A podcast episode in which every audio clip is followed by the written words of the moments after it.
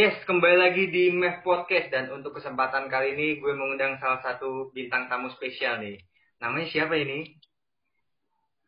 Halo, gue Rula. Yo, ini Rula nih. Ini jauh-jauh gue undang dari Lituania nih soalnya.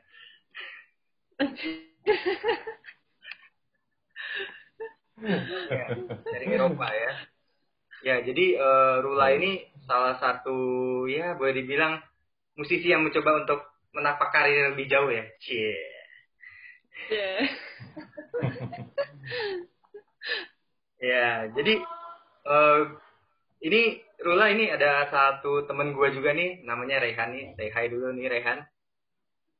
Halo, nama gue Rehan. Halo. Ya. Jadi Ya. para pendengar Mev Podcast yang belum tahu untuk episode gue kali ini, gue ngundang host dadakan. Yoi. Host dadakan yang kebetulan masih temen deket gue juga, jadi ya dah ikut aja gitu. Gitu deh. Gitu. iya. Ya. Jadi eh, kebetulan gue eh, sering denger ya podcastnya Nadif dan Nadif ini kan temen gue juga sejak eh, dari kita mulai semester satu ya Nadif ya di kampus kita sampai sekarang. Iya. Jadinya Kita kebetulan kampusnya di gue dikasih kesempatan lah. Iya, kita kampusnya di BSD, jadi Hmm, gue di mana? BSD-nya di Oh iya, Juli kita ngomong. Juli. Eh, gue ada beberapa teman Ya, di situ. Iya. Oh iya, jadi ya jadi kita di situ. Sampai sekarang akhirnya gue jadi kesempatan jadi host dadakan. Yoi.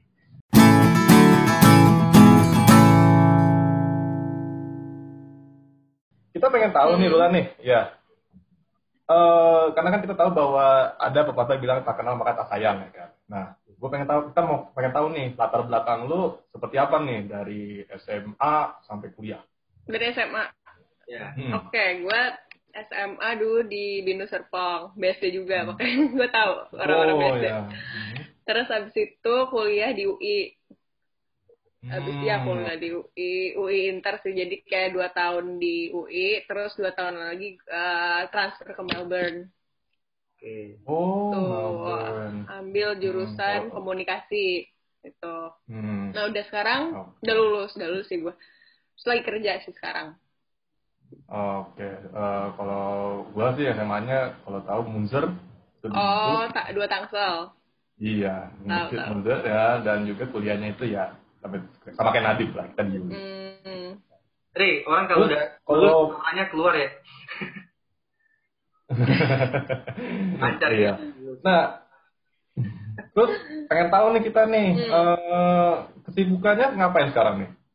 Sekarang sih lagi ya kerja aja sih, kerja full time. Terus kalau misalnya ada waktu ya bikin-bikin lagu, nulis-nulis Hmm. lagu, eh gitu-gitu aja sih. Oh. Jadi eh, kerjaannya itu nulis lagu saat Mm-mm. ini ya, karena kan itu Mm. lagi pandemik ya kan, Iya. Jadi kayak stay home juga. Tapi lagi jarang sih sebenarnya bulan ini kayak bulan-bulan lalu lebih sering sekarang kayak lagi jarang. lagi sibuk yang lain. Ah, oke. Ya, ya, ya. Nah, ini kan lu tadi ngomongin soal lagu nih. Nah, lu katanya baru merilis single ya, itu judulnya That's Way the Pain, bener gak tuh? Iya betul betul. Iya. Tuh gue uh, udah Eh. dengerin emang, wah enak sih lagunya, maksudnya dalam arti musik juga kayaknya kekinian banget gitu kan, yang memang pasarnya wah eh, anak muda banget nih gitu kan. Nah, itu boleh cerita sedikit nggak? Itu lagunya tentang apa sih ceritanya itu maksudnya dari lirik-lirik apakah itu cerita tentang kehidupan lu atau kehidupan terinspirasi dari temen lu atau gimana tuh? Hmm. Oh boleh boleh. Ya. Oke sebelumnya thank you udah dengerin lagu gue. Iya. Kalau lagunya sendiri hmm, sebenarnya tentang hidup aja sih. Jadi gue tuh awalnya nggak bikin liriknya dulu. Gue tuh kalau bikin lagu kadang suka uh, random nge-record kayak nemu melodi enak gue record di HP gitu kayak mes- meskipun cuma 5 atau 10 detik kayak gue nyanyi aja ngasal. Nah abis itu awalnya gue kayak nemu satu line sih kayak uh, dance away the pain kayak dance away the pain. Kayak awalnya tuh liriknya juga bukan itu. Nah. Nah terus abis itu gue kayak develop dari satu kalimat itu baru gue bikin jadi lagu sih kayak ini enaknya dibawa ke mana ya gitu. Hmm. Nah terus gue kayak waktu itu sih gue bikinnya nggak terpaku. Oh gue pengen bikin lagu tentang ini nih yang terjadi di hidup gue ini gue lebih kayak oh gue pengen konsepnya bikin lagu yang awalnya lagunya sedih terus di akhirnya jadi lagu yang lu happy ending gitu gitu sih Berarti itu liriknya lu yang kompos sendiri ya? Hmm. iya eh, kalau lirik gue sendiri Ah, itu tuh prosesnya berapa lama tuh dari lu bener-bener Oke. sampai inisial banget, oh gua kayaknya harus ini sampai lu bener-bener wah ini fix nih liriknya begini nih. Itu kira-kira berapa lama tuh prosesnya? Hmm, gue tuh bikin itu kayak pas Desember akhir deh, pas lagi libur banyak gitu. Nah, Desember itu kayaknya Desember akhir sampai Januari awal. Seminggu lah kalau lirik doang seminggu kayaknya. Minggu ya? Seminggu terus kayak gue Hmm. finalize seminggu baru kayaknya agak lama gue kayak gue diamin aja gitu situ kayak oh kayaknya enak nih di produce kayak bisa deh udah gue iseng-iseng aja gue coba produce oh ya bisa kayak ini works ya udah akhirnya rilis deh kayak baru baru kapan ya Maret akhir Oke oke. Nah itu Oke. Kan lu juga apa buat liriknya. Nah kalau nadanya sendiri Hmm. lu- dari lu juga atau gimana? Oh harus kayaknya nadanya oh ya na- na- na- gitu gitu. Dari lu juga. hmm, ya nada dari gue juga nada lirik sama producing gue sih kebetulan itu Oke.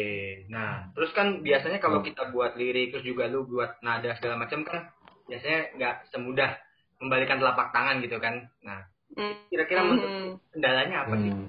dari bikin-bikin lagu gitu? Apakah Kendala. lu nyari waktu luangnya atau lu cari kayak nyari me time apa momen me time-nya nih susah nih apa gimana? Hmm, oh, oke. Kalau gue lebih ke fokusnya sih kan kayak kadang banyak distraction kan kayak Ah, iya. main HP. Kayak gue lebih prefer buat main HP aja daripada bikin lagu. Ya, ya. Kayak Ah. gitu buat Gitu gitu ya. susah kayak. Mm. Iya kayak gitu gitu kayak ya buat nemu timingnya juga sih kayak oh ini lagi sepi enak nih gue bisa fokus kayak gitu. Iya. Nah selain itu pas udah bikin mulai bikinnya juga kadang emang ya nggak segampang oh gue udah nemuin nada yang enak. Kadang harus kayak explore oh ganti nada kayaknya lebih works gini biar cocok juga nanti sama chorusnya kayak gini gitu. Terus Oke. kadang gue juga ngerasa ini kayak udah ada nada lagu yang kayak gini deh. Terus Oke. ya udahlah nggak apa-apa kayak nadanya juga lagu pop kayak pasti mirip-mirip gitu. Oh, Oh. benar-benar. Gitu. Berarti eh, kalau lu buat lirik-lirik juga kayak dapat inspirasinya pas terlintas, wah kayaknya cocok nih liriknya kata-katanya begini atau gimana tuh? Kalau apa tiba-tiba aja atau gimana? Atau lu nyari kayak sumber dari lagu apa gitu? Terus kayaknya gue bisa pindahin nih ke lirik gua gitu. Itu kayak gimana menurut lu? Apa lu tiba-tiba nemu Hmm, sendiri aja oke. kata-katanya? jarang sih nemu sendiri. Biasanya sih gue kayak dengerin lagu yang banyak dulu. Kayak kadang-kadang ketemu, oh ini kayak lucu nih. Terus gue kayak utak-atik sendiri. Atau enggak, gue juga kayak punya beberapa, ada kayak file gitu isinya kayak kata-kata, kalimat-kalimat yang gue suka gitu. Heeh. Oke. Bisa gue, yang bisa gue pakai, yang bisa gue masukin. Nah, terus gue sebelumnya juga sempet suka nulis puisi juga kan. Terus Iya. kayak, oh ini Oh. kayak nggak pernah gue share, udah gue masukin buat lirik aja lah. Gitu. Oh.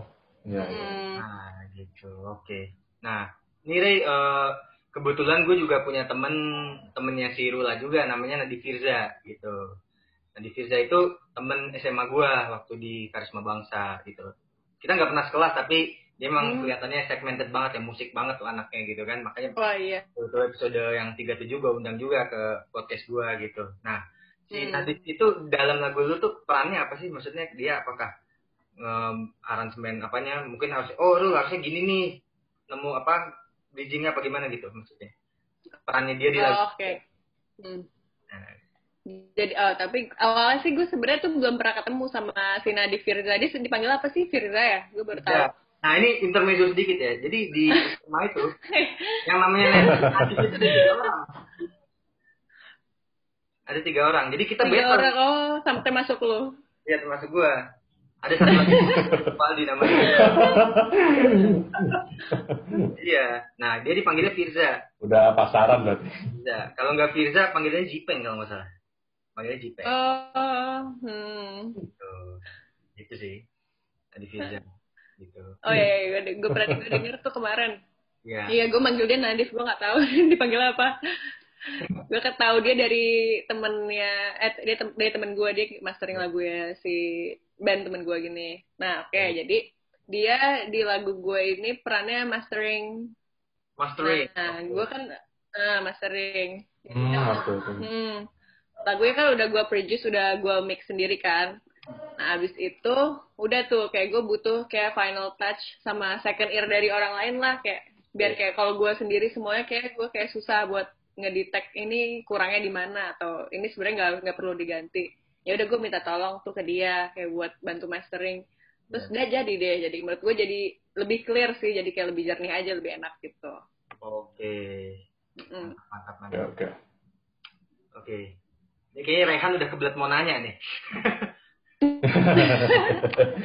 Iya, eh lah kan kita tahu ya bahwa musisi itu kan pasti kalau lagi buat musik nih ya terinspirasi sama siapa gitu kan musisi Apa? sama gitu. Inspirasi?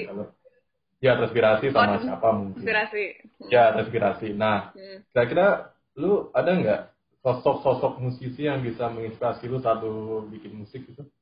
ada banget sih pertama pasti Taylor Swift kalau ditanya kayak gitu Terus Oh. abis itu banyak kalau band-band gitu gue lebih suka band-band yang popang atau imo-imo gitu. Pokoknya band-band yang udah gue suka dari zaman SMP gitu itu masih kena banget sama gue. Jadi ya itu paling Taylor Swift Oh. sama mm-mm. Jadi Taylor Swift tuh paling pertama Iya. berarti ya? Oh, Tapi kalau Taylor Swift dia bikin lagu, dia buat drama dulu kan, romantis sama Nah, macam, nah lu jajan yang kayak gitu. enggak enggak enggak. Ini sama gue dulu nih harus bikin selek-selekan dikit, baru gue dapet inspirasi. Itu enggak tuh? gue enggak sih. Jadi kalau dari Taylor Swift itu terinspirasi dari mananya? Apakah dari lirik kah? Hmm. Atau dari nada kah? Atau karakternya? Atau gimana?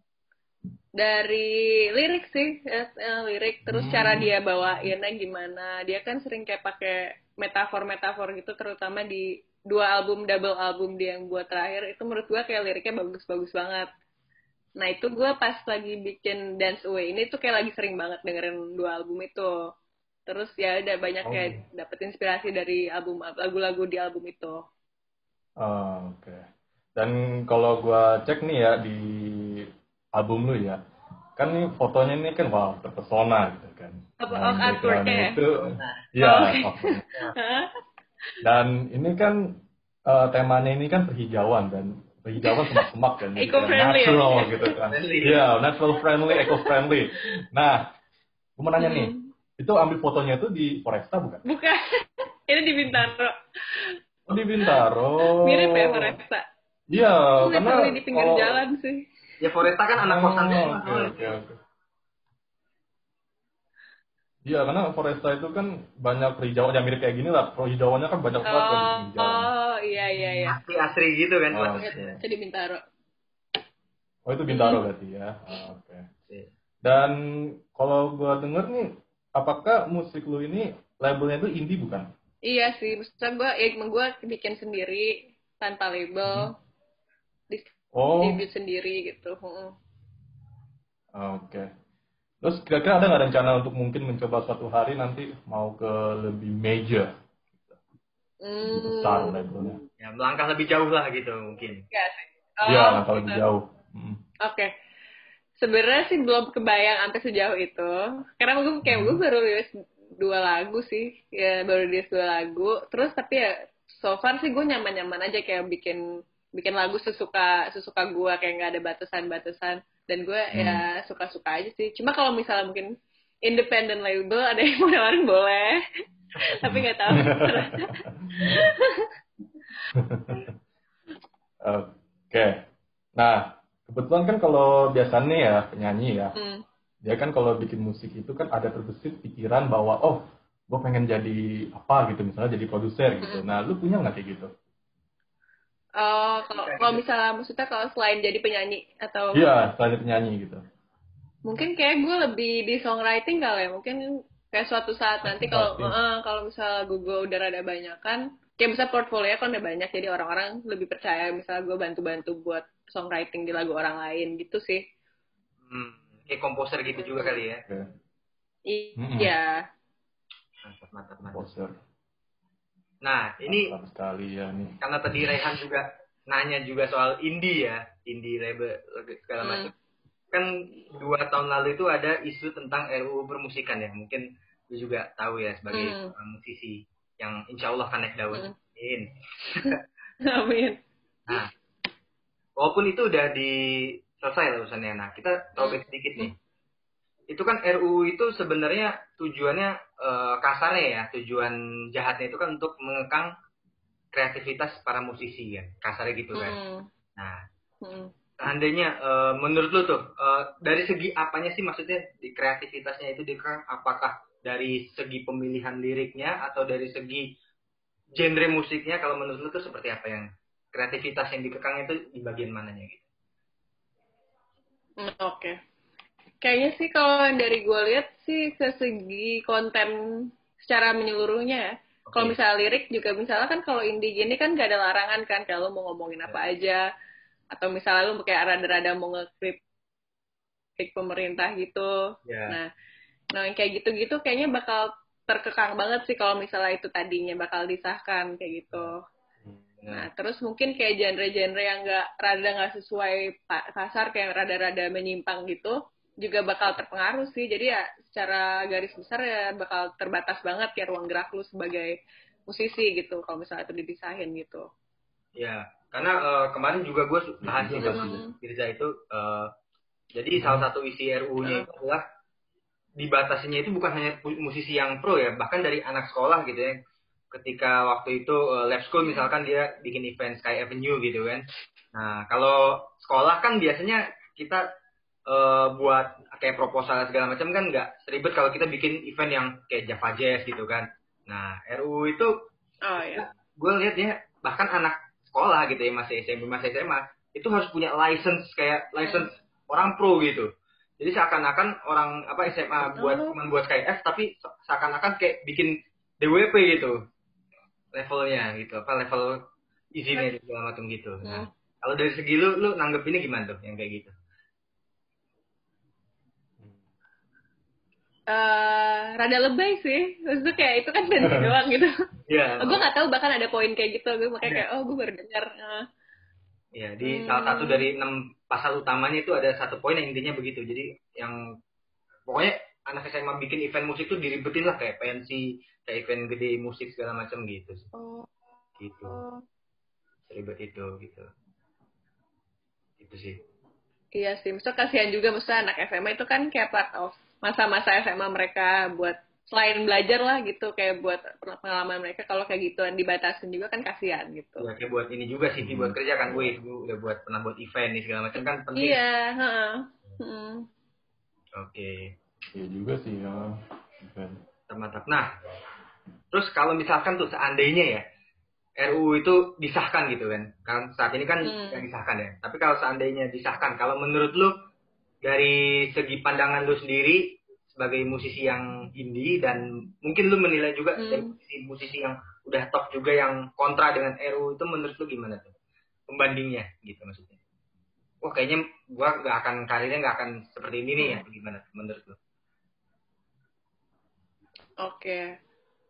Ya, menurut gue itu menyulit selain karirnya terbatas. Maksudnya kan kayak banyak juga kayak musisi yang secara finansial nggak punya banyak budget buat bikin lagu. Nah, itu makin ribet juga sih. Maksudnya kayak, kan sekarang kayak lu lihat banyak banget kayak musisi-musisi indie, lu nggak tahu siapa ini Ya. uh, berkaya bisa dari lewat mana aja. Nah, menurut gue kalau sekarang udah desain, bakal dikit banget sih yang bisa punya peluang buat ngasih karya uh, dengan bebas kayak gitu.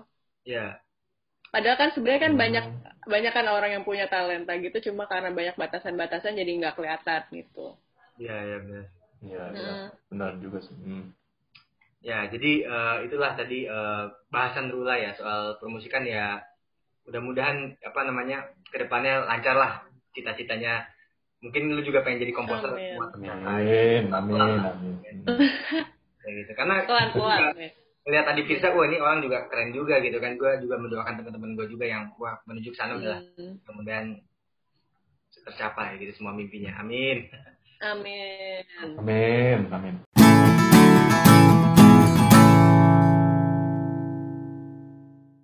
Rey gimana Rey? Masih ada yang mau ditanya-tanya lagi nggak?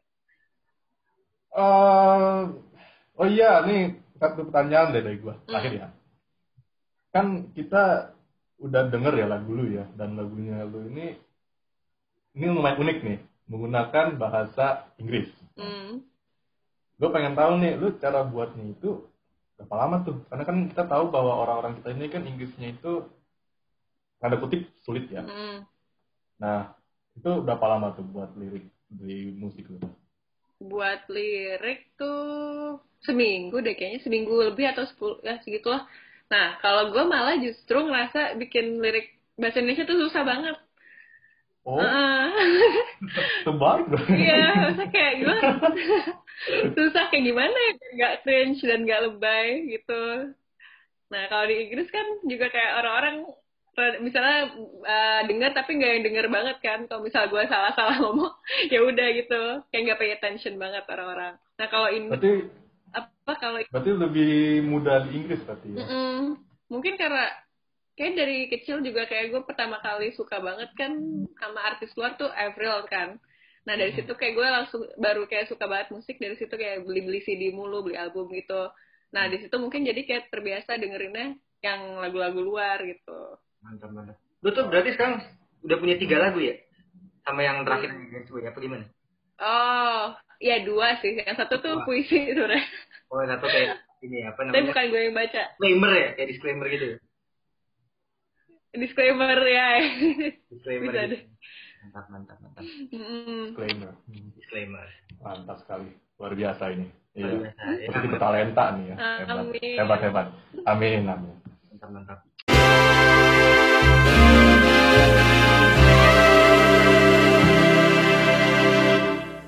Nah ini sebelum di closing biasanya gue ada promo sosmed nih untuk seluruh tamu-tamu gue yang pernah gue undang ke sini gitu. Nah lu ada sosmednya Hmm. nggak kayak Instagram, LinkedIn gitu-gitu? Oh ada dong. Oke. Instagram gue Rula Safira underscore kalau gue lupa lagi underscore ada dua kalau nggak salah ya. Itu udah ini nggak dua gitu. Waktu itu gue pas mau bikin Rula Safira kayak nggak bisa gitu, nggak pakai underscore ya udah deh gue pakai underscore. Nggak pakai Terus titik. apa lagi ya LinkedIn? Apa? Nggak pakai titik gitu ya, Rula titik Safira gitu. Gak tahu sih kurang enak aja dilihat. Tuh pakai angka Rula Safira. underscore dua loh.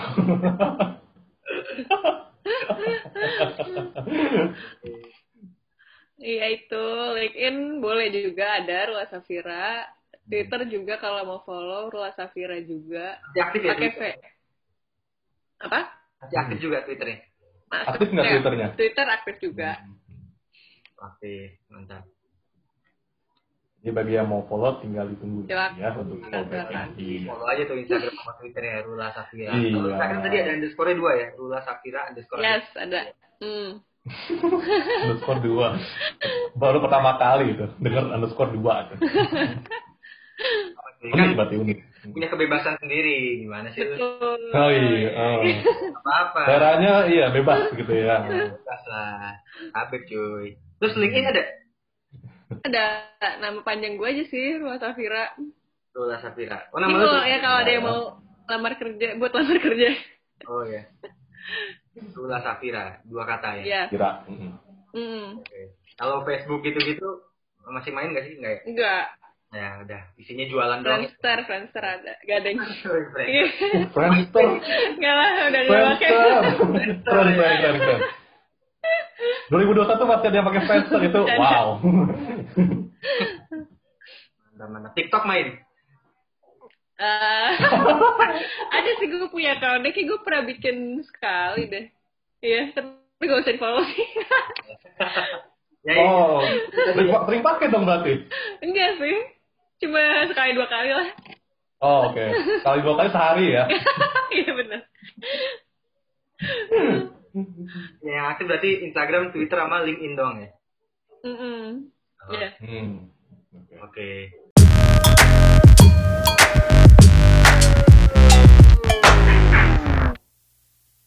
Oke, Rula, thank you so much ya udah Hmm. mau diundang ke sini ya. Thank you juga Ya. udah ngajak ngobrol. Iya, thank you juga. Sekali lagi Nana. ini ada host dadakan juga Rehan ya untuk episode kali ini. Iya. Iya, thank you. Salam Thank you kenal sekali. juga. Salam kenal juga. Dan jangan lupa eh, sosmednya Rula nanti bagi para bandit-bandit podcast ini di follow nih, jangan lupa nih.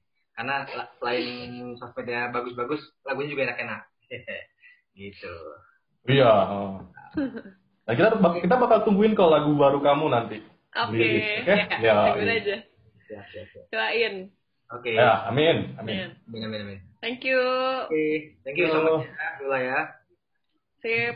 Ya, dan untuk para pendengar Mac Podcast, selamat menunggu episode-episode menarik berikutnya. See you guys, bye bye.